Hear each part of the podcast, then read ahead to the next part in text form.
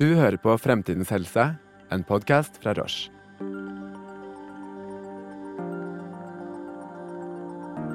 Om ti år, når vi ser tilbake, så vil vi se at genterapi er en av de aller største gjennombruddene som vi noen gang har hatt, egentlig, på eh, medisinfeltet. Vi er alle bygd opp av billioner av celler, og cellenes egenskaper de bestemmes av genene våre.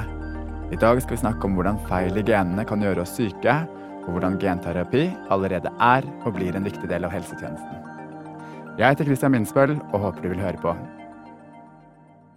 Med oss i studio er Sigrid Brattby, som har doktorgrad i molekylærbiologi, er spesialrådgiver i Kreftforeningen og forfatter av boken Fremtidsmenneske hva den bioteknologiske utviklingen betyr for deg.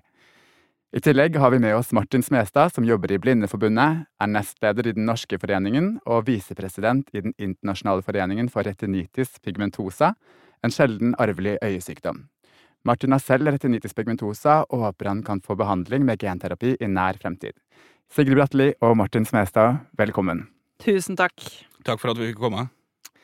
Sigrid, eh, de av oss som har eh, hørt deg snakke om genterapi tidligere, vet at du er veldig engasjert og kunnskapsrik på dette området her. Så jeg tenker vi bare begynner med hva er egentlig genterapi? Eh, skal vi begynne med hva er et gen? Det kan vi gjerne. Ja, for jeg tror vi må forstå det for å forstå hva genterapi er. Altså Gener det er på en måte kildekoden, eller programvaren, som eh, gjør at cellene våre oppfører seg sånn som de skal. Um, og noen ganger så går det galt. Eh, det blir skrivefeil i disse genene, som gjør at cellene da ikke oppfører seg sånn som de egentlig skulle. Og genterapi, det kan man bruke da til å behandle eh, den typen genetiske sykdommer. Hva brukes egentlig genterapi til? Altså per i dag så brukes det til en eh, håndfull sykdommer. Noe av det er kreftrelatert, fordi man kan faktisk da genetisk omprogrammere immunceller til å bli skikkelig gode på å drepe kreftceller. Og så er det på det som handler om genetiske sykdommer, da. Eh, det å kunne reparere en genfeil, eller erstatte den på noen måte. Da er det blant annet disse synstapssykdommene, og så er det en del muskelsykdommer eh, og en del metabolske sykdommer som nå eh, primært er der det skjer mest utvikling. Men jeg tror at det kommer til å komme genterapier for ganske mange typer genetiske sykdommer i framtida. Mm. Hvordan finner man ut om man har en genfeil som det er en genterapibehandling til? Ja, da må man eh, lese av genene sine, og det får man i, i, helsetjenesten hvis det er mistanke om at det er en, en, sykdom. Så da tar man en prøve, eh, og så kjører man gjennom en sånn, eh, det man kaller en sekvenseringsmaskin, og så får man ut da en utskrift av den genetiske koden, og så sammenligner man det med hva som er på en måte den normale genvarianten, og så ser man om det er noe galt der, da. Så da kan man påvise om man har en sånn uh, genetisk sykdom. Og hvis det er noe galt der, hvordan virker genterapi da? Du snakket litt om å erstatte eller uh, forskjellige måter å gjøre det på. Hvordan funker det?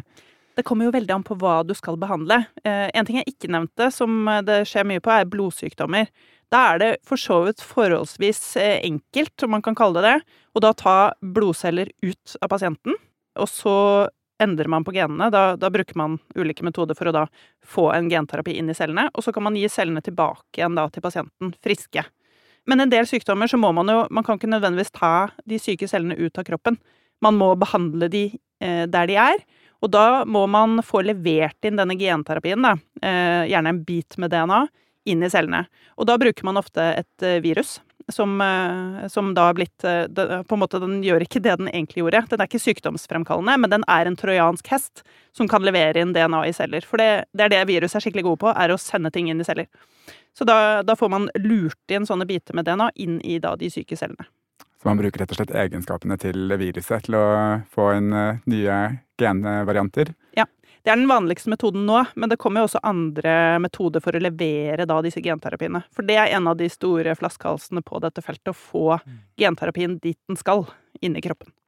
Og hvilke sykdommer, Du nevnte blodsykdommer, men hvilke andre sykdommer er det vi har genterapibehandling til i dag? Ja, eh, Når du sier 'som vi har', så er jo forskjell på hva som er tilgjengelig i forskningsstudier, og hva som er godkjent i helsetjenesten. Men hvis vi ser på, på si, der hvor det, man har vist at, at, det er mulig å behandle sykdom, så er det ganske bredt. Eh, det er eh, mange av disse muskelsykdommene, sånn som Duchenne muskeldystrofi og spinal muskelatrofi. Der er det kommet flere genterapier som er enten under utprøving eller er godkjent. Og så er det retinitis pigmentosa, for eksempel, hvor man mm, både har forskning og godkjenning på plass. Eh, og flere andre. Altså, en del av disse kreftbehandlingene også har kommet veldig langt. Der hvor man bruker da genetisk omprogrammerte immunceller til å behandle blod- og lymfekreft særlig. Mm. Du nevnte retinitis pigmentosa, og du fikk jo den diagnosen for snart 20 eh, år siden, Martin. Ja. Eh, når oppdaget du at noe var galt?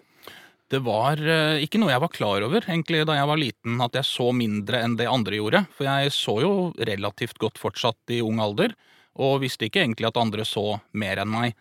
Um, når jeg tenker tilbake, så har jeg nok ofte alltid sett dårligere enn folk flest. Uh, mørkegjemsel var jeg aldri noe god på. Uh, gjemte meg bak første busk og fant ingen når det var min tur til å stå. for mørkesynet er jo det første som gjerne er et symptom ved retinitis pigmentosa. Man ikke ser noen ting når det ikke er mye lys. Mm. Militæret var nok eh, første gangen jeg begynte å mistenke selv at noe var galt, eller begynte å forstå da at eh, jeg så mindre enn andre når vi skulle på nattøvelse, og jeg gleda meg veldig mye til at yes, nå skal jeg få prøve nattbriller, det har jeg syntes har vært kult lenge. Men vi fikk ingen nattbriller, og det ble forventa at liksom, man skulle ut og gå i mørket, eh, og det fungerte helt fint for alle de andre. Mens jeg stanga i trær og snubla i røtter og endte med å falle utfor en skrent og skade kneet mitt. Altså, da begynte det å liksom demre litt for meg at kanskje, ja, hvorfor så ikke jeg noe her? Alle de andre så jo tilsynelatende bra. Så var det noen år etter, eh, før jeg da gikk til øyenlegen, eh, sterkt oppfordra av venner rundt meg som nok bedre enn meg skjønte at eh, jeg hadde eksempel problemer da med sidesynet, at jeg ikke så ting før det var rett foran ansiktet mitt. Så da dro jeg til øyenlege, og så fikk jeg henvisning videre til Eh, spesialistundersøkelser. Blant annet gjorde da en gentest og fikk påvist retinitis pigmentosa. Mm. Hva, hva, tenkte du når du eh, fikk den diagnosen? Det, det, var mange tanker på en gang. Um, jeg fikk jo beskjeden omtrent på denne måten at uh, du har noe som heter retinitis pigmentosa. Um, du kommer nok kanskje til å bli blind. Uh, vi har ingen behandling for å hjelpe deg. Og så ble jeg tipset om at det fantes en Eh, retinitis pigmentosa-forening og ble oppfordra til å ta kontakt med dem. da. Det var liksom det eneste de kunne gjøre for meg. Um, det er klart at ting rakna litt da. Eh, jeg var i studier eh, som jeg droppa ut av, for jeg mista litt troen på at ting skulle kunne være mulig. Jeg trodde jeg kom til å være blind i løpet av kort tid. Um, nå er det jo snart 20 år etter, og jeg har fortsatt en viss grad av restsyn, så det viste seg jo å være helt feil, men når du får en beskjed om at uh, du har en type eh, gradvis utviklende netthinnesvikt som kan gjøre deg blind, så er det jo fort å krisemaksimere litt. Så jeg trodde det kom til å skje ganske raskt, og eh, reagerte ganske kraftig på det. det. det. var tungt å få den beskjeden, det skal jeg ikke legge skjul på. Ja, det skjønner jeg. Mm. Hvordan er det å leve med retinitis pigmentosa for deg nå? Det, noen ganger går det helt fint, eh, andre ganger er det logistisk eh, veldig utfordrende. Um, det er noe man blir mer vant til. altså Alt kan man venne seg til, uansett om det er synsproblemer eller eh, andre type utfordringer man har i livet. Så jeg er jo blitt mer vant til det nå. Um, men det krever, en, det krever mye energi eh, å se dårlig. Det krever en del forberedelser. Eh, det krever kanskje en del struktur som jeg ikke nødvendigvis er så god på alltid. Jeg er mer spontan enn å måtte ha kontroll på hvordan skal jeg komme meg fra A til B. Um, nå må jeg komme meg hjem før det blir mørkt, så jeg ser noe fortsatt. Altså, det, det, er en del utfordringer eh, av å leve med sykdommen, men det er fortsatt fullt mulig å eh, leve et ok liv med dårlig syn. Sigrid nevnte jo i stad at det finnes um, en genterapibehandling for retinitis pigmentosa. Finnes det for den eh, typen retinitis pigmentosa du, du også har, eller? Nei. Det, den ene godkjente genterapien, som, som er for én type arvelig netthinnesvikt, uh, den er for annet, eh, en annen genfeil. Feil i et annet gen enn det genet jeg eh, som er årsaken til min sykdom. Det er veldig mange forskjellige varianter av retinitis pigmentosa. Det er en, en diagnose, men med mange subtyper som skyldes ulike genfeil, og som har forskjellig um, innslagspunkt, altså hvor tidlig man begynner å miste synet, hvor raskt synstapet går, um, hvor alvorlig synstap det leder til. Noen er blinde allerede i ungdomsårene eller tidlig voksen alder, mens ved andre typer så kan man beholde en viss synsrest hele livet. Um, den typen som det finnes genterapi for, er um, i barne- og ungdomsårene man gjerne opplever at synstapet begynner, um, og så er man gjerne blind i tidlig voksen alder. Så det finnes, den behandlingen er ikke aktuell for meg, men det finnes veldig mye spennende forskning på andre gener, um, som kanskje kan gjøre at det kan komme en behandling for meg uh, snart. Mm. Det høres jo veldig komplekst ut, med at man kan ha mange forskjellige varianter i samme eh, gen som kan føre til en sykdom, og at det kun er noen av disse man har behandling for. Um, hvor er det på en måte uh, kunnskapshullet er i dag, Sigrid? Er det, er det biologien, altså kroppen vår og genene våre, man trenger mer kunnskap om, eller er det teknologien eh, man trenger mer kunnskap om? Det er en kombinasjon. I tilfelle retinitis pigmentosa så vet man jo allerede ganske mye om hvilke genfeil det er, men som Martin sier, så er det, det er så mange forskjellige typer. Og den formen for genterapi som nå er i bruk, den er jo litt sånn eh, førstegenerasjons genterapi som, som, er vanskeligere å på en måte tilpasse.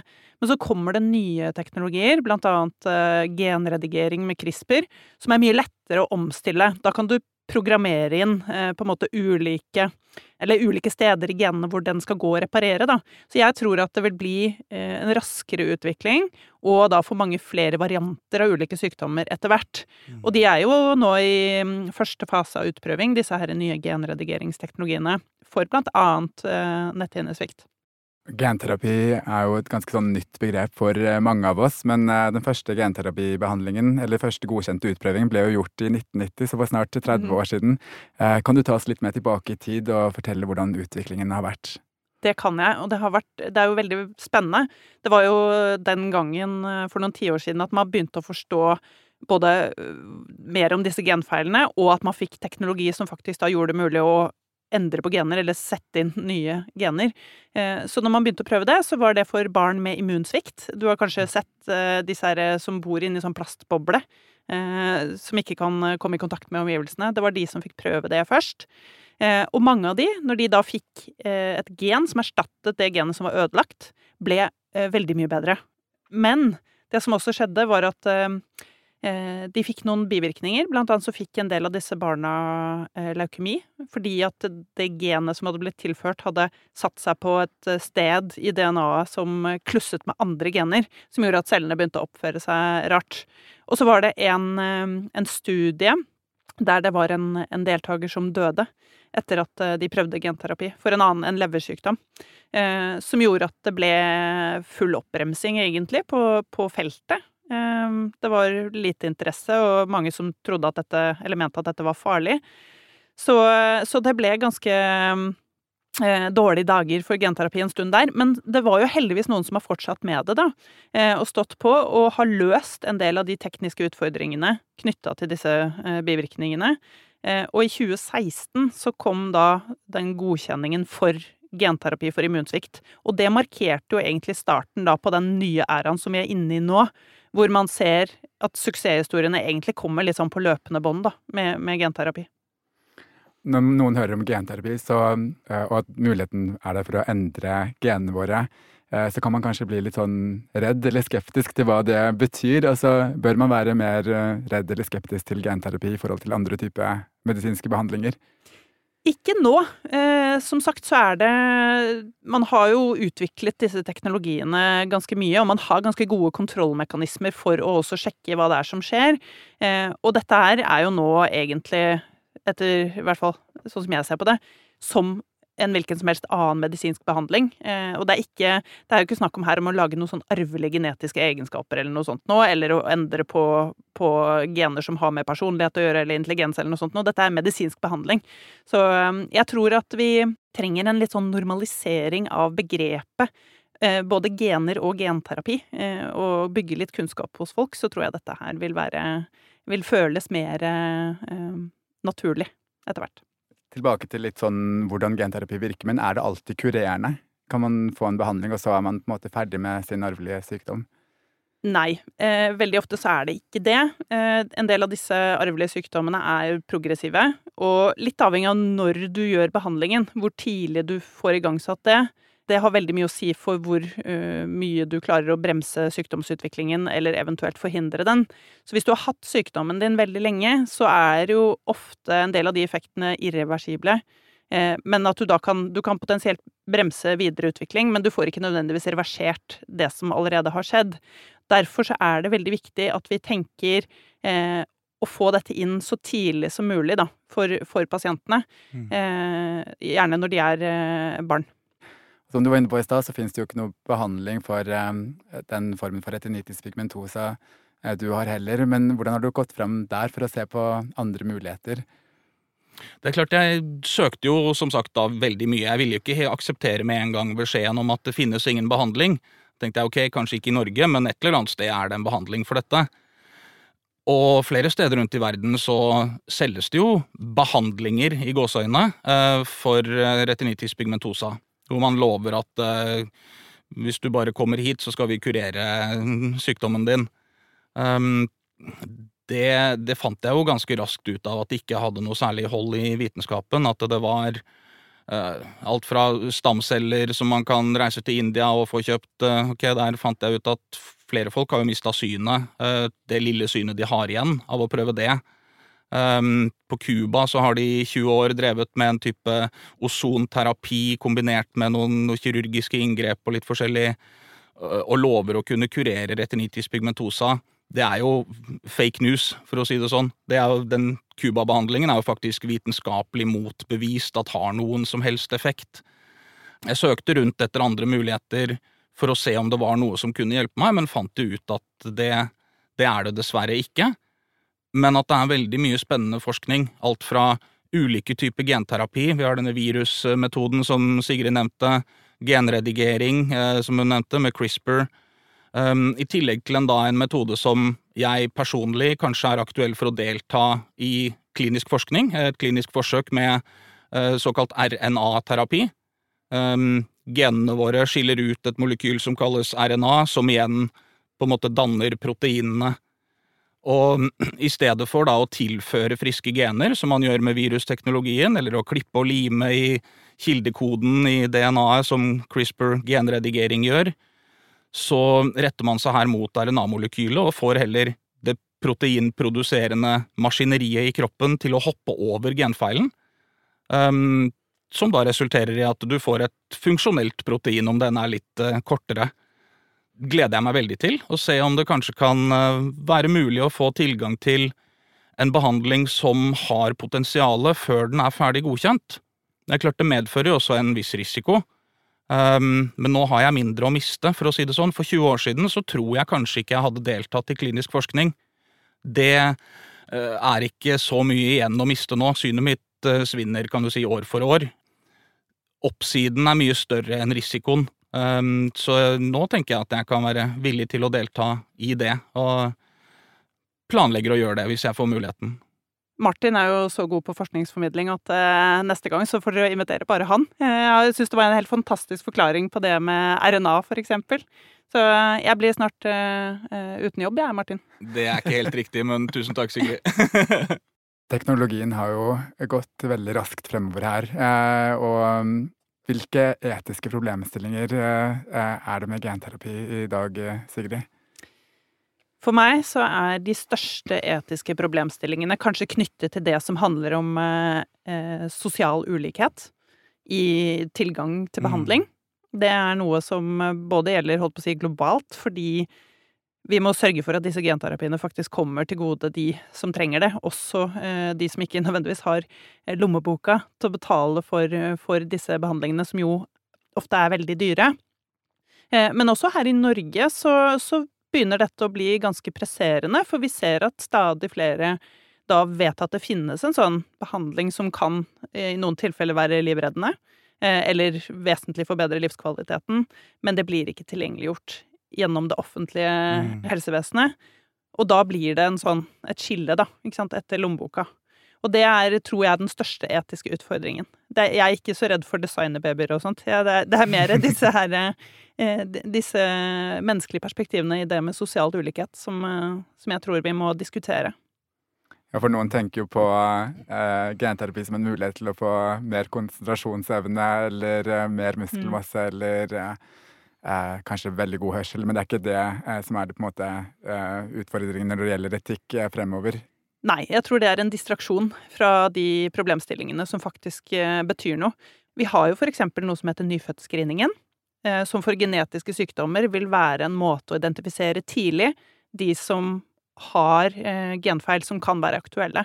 Men sånn som det eh, er i dag, så er eh, man så redd for de liksom, etiske dilemmaene ved eh, å gensekvensere nyfødte at man mister noen muligheter der. Eh, så jeg tror det er en diskusjon som egentlig er litt sånn overmoden for å ta. Skal vi identifisere flere som har genfeil, som man vet at kanskje det kommer en behandling i framtida? Ikke bare de behandlingene som allerede er godkjent, for det er sånn det er i, i dag.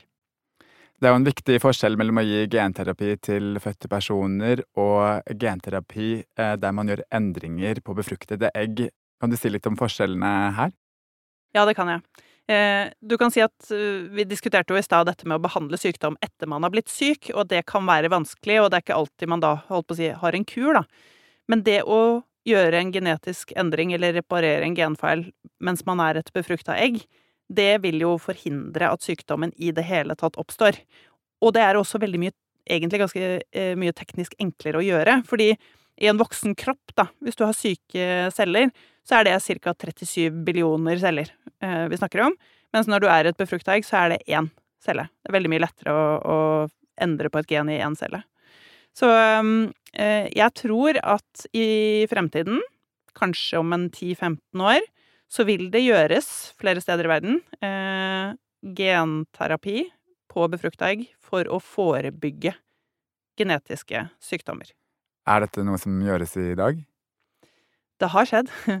Det var jo en kinesisk forsker som i 2018 bestemte seg for å ta saken i egne hender. Han eh, hadde da brukt CRISPR på befrukta egg eh, for å egentlig da gjøre to tvillingjenter resistente mot hiv-smitte eh, ved hjelp av denne teknologien. Eh, han trodde han skulle få en nobelpris.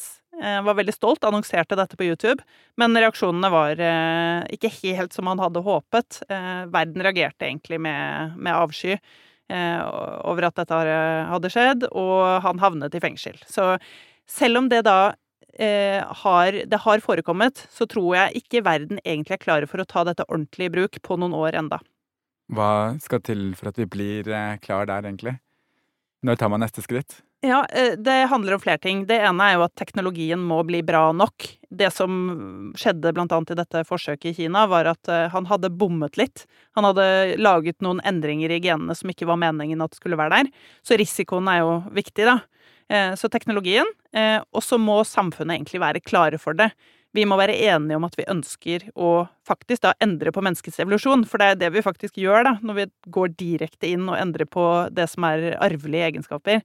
Så jeg tror det er en modningsprosess eh, som skal til, men som sagt, i fremtiden, om en sånn 10-15 år, så tror jeg eh, vi er klare. I hvert, fall, eh, hvert fall i deler av verden så er man klar for det. Hvilke andre problemstillinger står vi overfor når det gjelder genterapi? Ja, det er jo dette med å ta det inn i en bærekraftig helsetjeneste.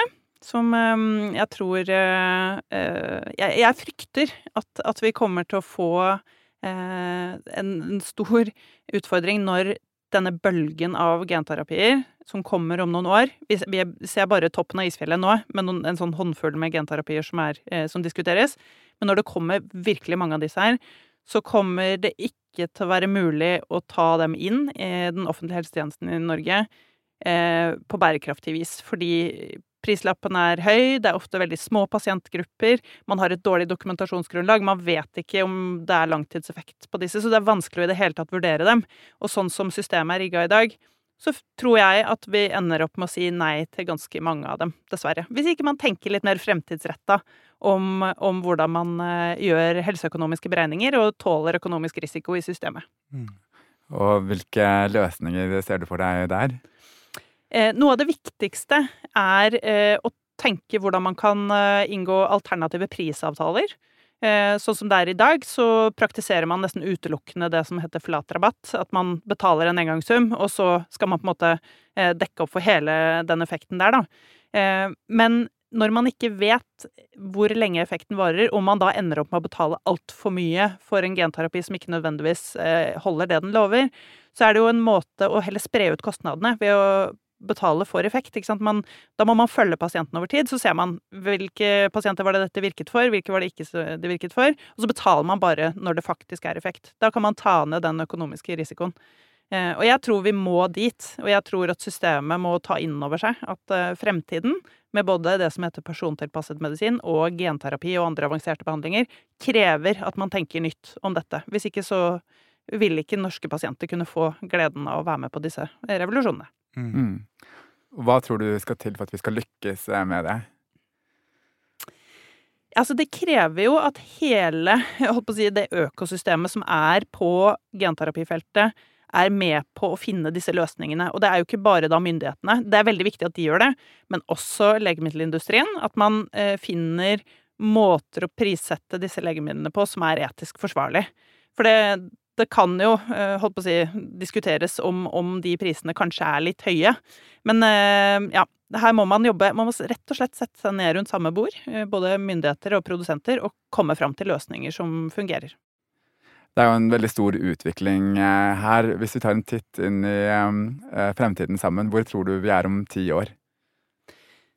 Ja, som den teknologioptimisten jeg er, så tror jeg at vi vil ha genterapier tilgjengelig, eller i hvert fall teoretisk tilgjengelig, for veldig mange sykdommer. Og da snakker vi jo særlig om ulike former for kreft og arvelige genetiske sykdommer. Jeg tror at teknologiutviklingen vil gå veldig fort. De vil både bli bedre og billigere.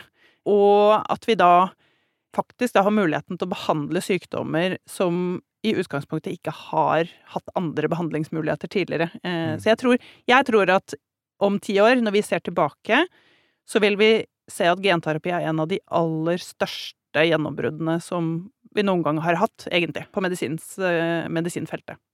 Vi nærmer oss en avslutning nå, men jeg tenker det har jo vært en veldig stor um, revolusjon innen utvikling av teknologi på det feltet her. Hva tror du blir det neste? Det neste som er på genterapifeltet, mm. jeg tror jo det er innen genredigering. Eh, altså det å kunne virkelig presisjonsredigere eh, i genetisk materiale i, i, celler. Det er der utviklingen vil gå raskest, tror jeg. Mm. Takk for at dere var med i Fremtidens helse, Martin Smestad og Sigrid Bratteli. Tusen takk. Takk for at vi fikk komme. Takk for at du lytter til Fremtidens helse, en podkast fra Roche. Ønsker du å lese mer om genterapi og bioteknologi, kan vi anbefale boken til Sigrid Bratteli som heter 'Fremtidsmenneske hva den bioteknologiske utviklingen betyr for deg'. Abonner på denne podden for å høre mer om hvordan din og min helsetjeneste er i dag, og hva vi håper på for fremtiden.